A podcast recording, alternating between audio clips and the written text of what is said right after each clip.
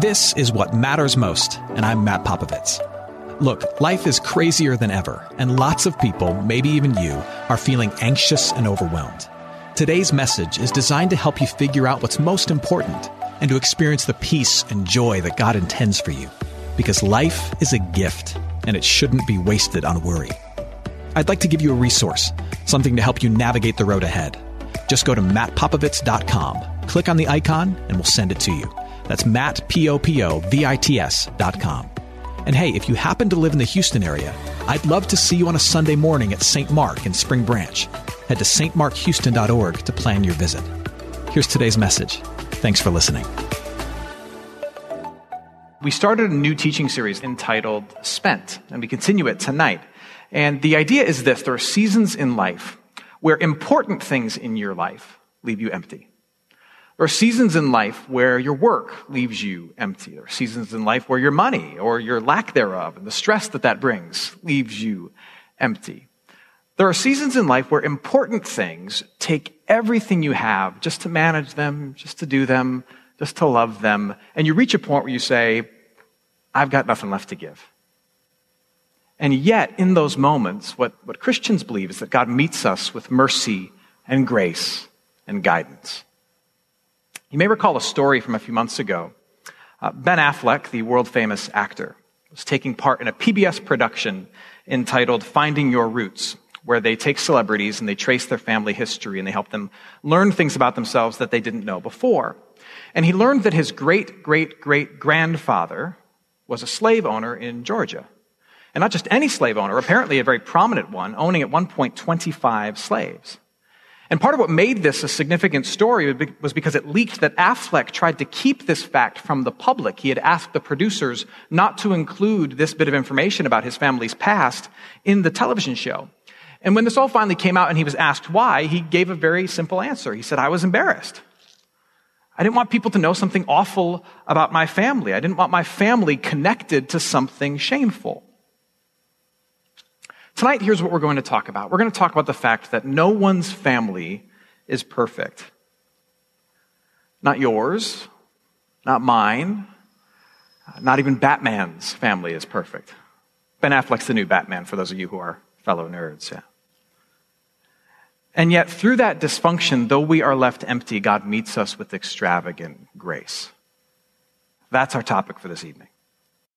I do want to be honest and acknowledge this truth that if you look hard enough and if you dig deep enough, you'll find that every single family has been ravaged by dysfunction in some way, shape, or form. That we are all messed up. If you stare at our particular family trees long enough, you'll see that we are all messed up in varying ways to different degrees. Every family has its own unique kind of crazy. Your family legacy may be that of broken relationships your family tree is a series of busted branches, which makes loving people in your family complicated. Or maybe in your family, you have been crushed by abuse. Someone in your family did something horrible to someone else in your family, maybe you. Or there's someone in your family who continues to harm themselves. Uh, many families get overtaken uh, by dealing with another family men- member's mental illness. Or maybe your family doesn't have any significant issues, they just never deal with their issues. Nobody ever talks about their feelings. Nobody ever addresses problems. They just take whatever it is they're feeling and they push it way down deep and they just keep smiling. There are seasons where dealing with your unique family dysfunction can leave you spent. Just seeing it having to navigate it, trying to fix it. There's a character in the Old Testament that you've probably never heard of. His name is Mephibosheth. It's quite a name. Uh, Mephibosheth's story takes up about a dozen verses in the Old Testament. Mephibosheth was the grandson of the king of Israel, the grandson of Saul. But looking at him, you would never know that his life was marked with royalty he spent most of his life hiding in fear of his life, living in poverty, and completely dependent on other people. And probably, if, if I could kind of take liberties with his story or speculate, he probably spent most of his time feeling incredibly sorry for himself and justifiably spent as he reflected back on his family because his family was, if you look at the history, his family was a true and clear freak show. His grandfather, Saul, was the king of Israel, but at some point, his grandfather, Saul, if you read the story, became insane. He was haunted by the fact that God had chosen this young man named David to succeed him later on. And so Saul, Mephibosheth's grandfather, became obsessed with killing this man named David, so much so that it tore apart God's nation, Israel, and made them vulnerable to attack. Other nations saw that they were vulnerable, vulnerable because of Saul's craziness. And at one point, when Mephibosheth was five years old, his grandfather's nation was attacked by the Philistines. And in one battle, Mephibosheth's grandfather, the king, his dad, the heir to the throne, and all of his uncles died in one battle. 2 Samuel chapter 4 recalls it like this. Mephibosheth was five years old when the news about Saul and Jonathan came from Jezreel. And his nurse took him up and fled, and as she fled in her haste, he fell and became lame. And his name was Mephibosheth. So, knowing that he's the only heir to the throne, a battle has taken place, killing his grandfather, the king, his father, the heir, and all of his uncles. His nurse knows that he would be the next one to be attacked because the enemies would want to take out any heir to the throne. So she picks him up, the only remaining heir, takes him in her arms. Something happens. They fall. He has a neck injury, and Mephibosheth is paralyzed. So in one day, his entire life changes for the worst. He is disabled, he is orphaned, and because there's a new regime with new leadership which would see his bloodline as a threat, he's an enemy of the state. He's a fugitive at the age of five. How's your family tree looking right about now? Family is an incredible blessing. But we do need to ask the question, what do you do with the burdens and the brokenness that comes with family? I mean, what possible good could be redeemed out of? What good could come from a family tree like Mephibosheth or all the broken branches that are in yours that bother you today? And so, in light of that question, I just want to remind us tonight of a few things. That God uses the dysfunction in your family to accomplish many things, but in particular, two. First, He uses our frustrating families to help us grasp grace. He uses our frustrating families to help us grasp, understand, and to experience grace. Uh, do you know what grace is? I, I, it's a simple thing, but, but often we confuse it with forgiveness. And grace is distinct from forgiveness. Grace is really an aspect of forgiveness. Uh, grace is an attitude of undeserved kindness. It's the willingness to treat someone better than their actions towards you deserve. And we grasp this concept of treating someone better than their actions towards you deserve best and most explicitly in families because we're asked to constantly live it out. In families, because of the proximity of the relationship, they're always there. Because of the intimacy of the relationship, you see it all. And because of the priority of the relationship, he's your brother, Matthew we feel deeply just how difficult it is to give grace because they're always there. We know all of their problems and the relationship has weight to it.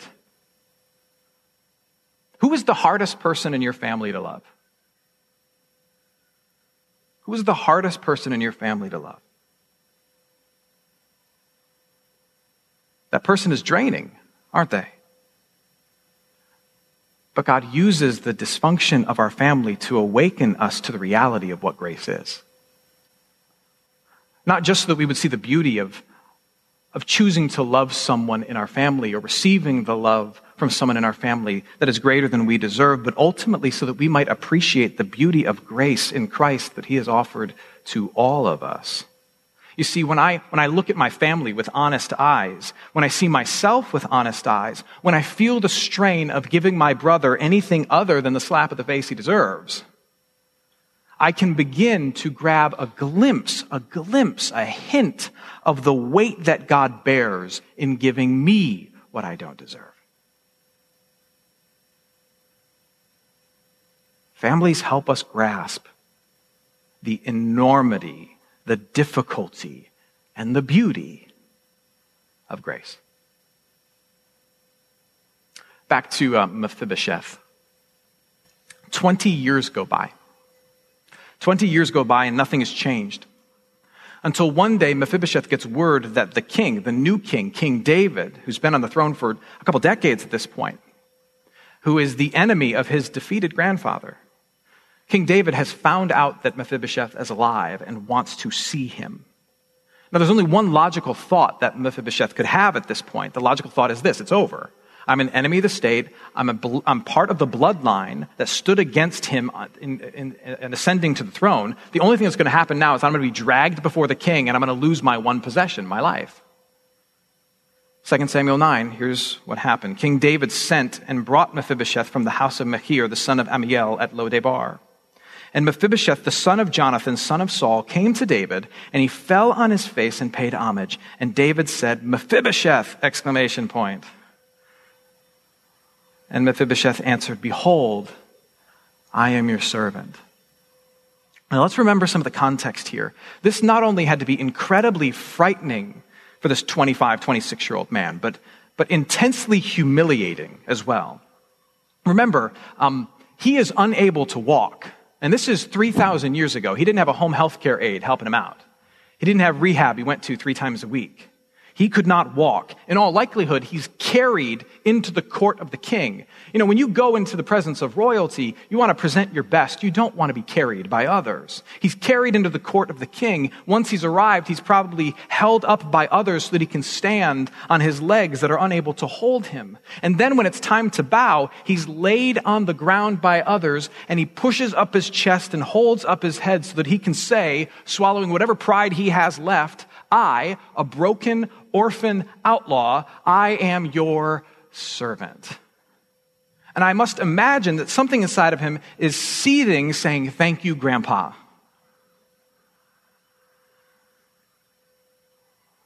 Let's jump back to us. God not only uses our frustrating families to help us grasp the enormity of grace, but He uses the frustration of the dysfunction in our families to force us to grow. Uh, the never ending process of having to deal with and love your broken family affects you. It affects me. It, it, empties us. It stresses us at times, especially around the holidays, for sure. But I would argue that like chisel to stone, like hands to clay, we in the end, we are painfully but positively shaped by it. Think about like the horizontal realm of life, the earthly realm of life. The dysfunction of your family is a, a key factor in your maturity. The dysfunction of your family forced you to mature. Reflect on the things that you are positive about in your adult life, that you cherish in your adult life. It may be the fact that you're educated. It may be the fact that you consider yourself an honest and trustworthy person, or that, uh, that you're married and your marriage is strong, or that you have a great relationship with other members of your family. You're not at odds with anyone at the moment. Now ask yourself this question. How much of that is a direct result of looking at your family, seeing struggle, feeling pain, and saying, I'm going to be different? How much of that is a direct result of looking at your family tree, seeing some of the dysfunction, and saying, My branch will stretch towards the sun? My guess is a good amount of it.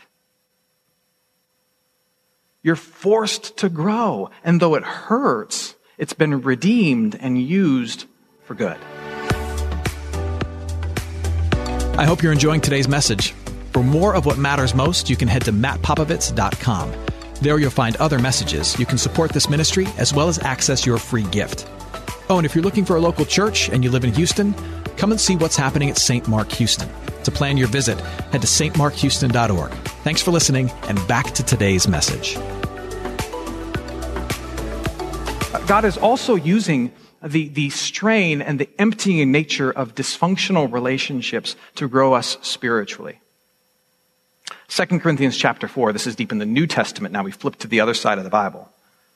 Uh, the apostle or pastor, Paul, says this. He says, We do not lose heart. The context here is immense difficulty. We do not lose heart. Though our outer self is wasting away, they were being persecuted, so their physical lives were difficult. Our outer self is wasting away. Our inner self is being renewed day by day.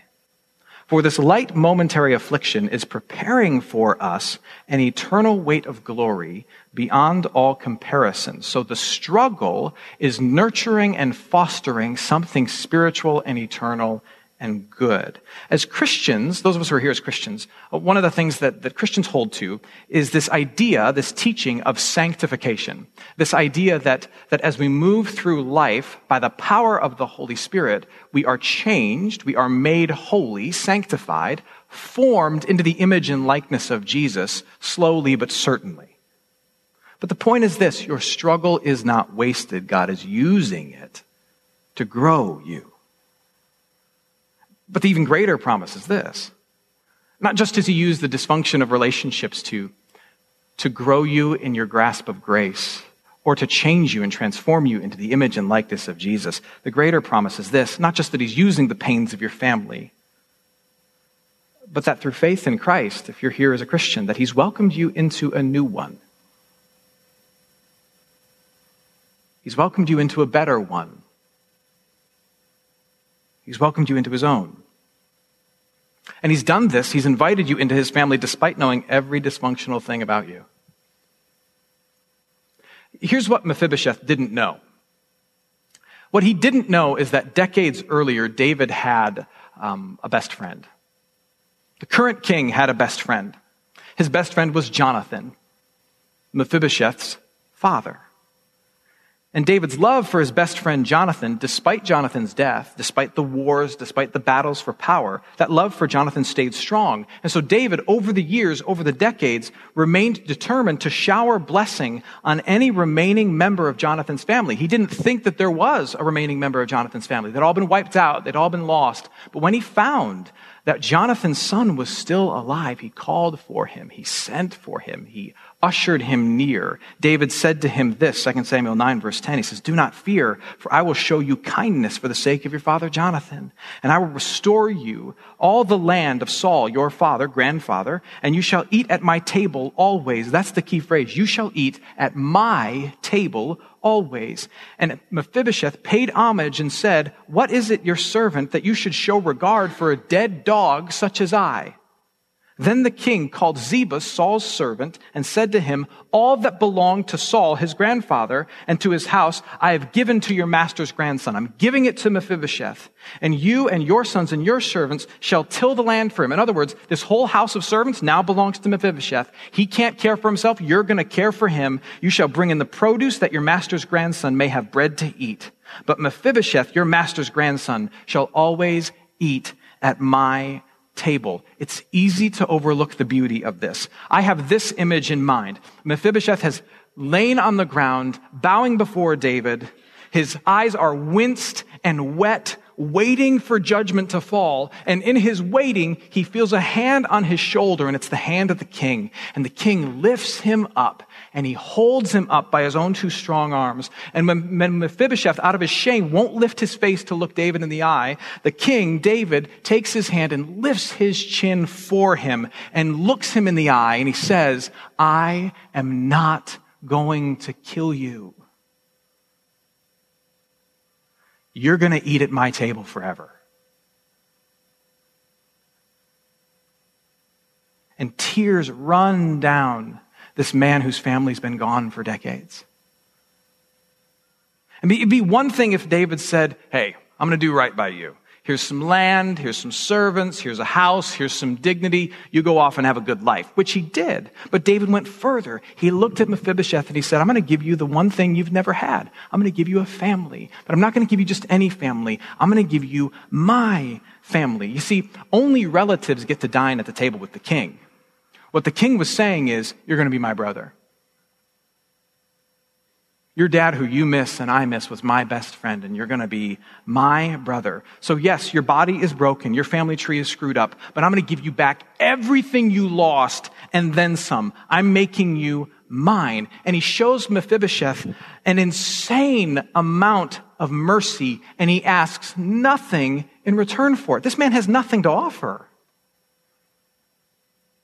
This moment, which occurred a thousand years, history tells us a thousand years before Jesus would have been born, It gives us a glimpse of what God would do for us in Jesus Christ. You see, in this story, and often is the case in the Old Testament, everyone in this true story represents somebody else. It's a glimmer, a glimpse to the future. It's a hint at the future story. And in this story, Mephibosheth represents you. Like broken humanity, right? David represents Jesus. So you and I, we, we have a pretty decent amount of baggage. We have imperfect families. We have imperfect lives. We have unmet needs. We have problems. We make mistakes. And all of that keeps us from the king's table, so to speak. And if we're left on our own, we've got, we've got nothing. Nothing but a crazy grandpa. That's all we've got. And yet we, we hear of this invitation. Yet he invites us into his kingdom. In fact, Truth is, he carries us into his kingdom. We can't walk on our own. We've got nothing. We're that broken. He carries us into his kingdom. And even then, when we get here, when we hear about him, when we hear him say that he loves us, we still think that he's going to hold our history against us. We're going to hold all the things I've done or all the things my family's done. You're going to hold that against me because that's what people do. Instead, he raises our chin and he looks us in the eyes and he says, I'm not going to kill you.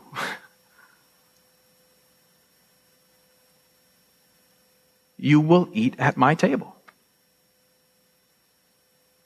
And he pronounces us beloved, and he pronounces us forgiven, and he says, You have a new identity. He shows us insane grace that comes at a cost to him, but nothing to us. It comes at a cost to the king himself who lives and died and rose. This is not just Mephibosheth's story, it's yours. It's ours.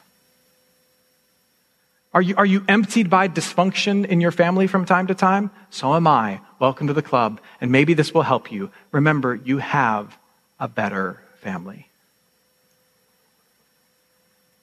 We are all broken beggars sitting at the king's table who have been pronounced sons and daughters. And we have been given a family, a life that is better than we were born with and nicer than our DNA deserves.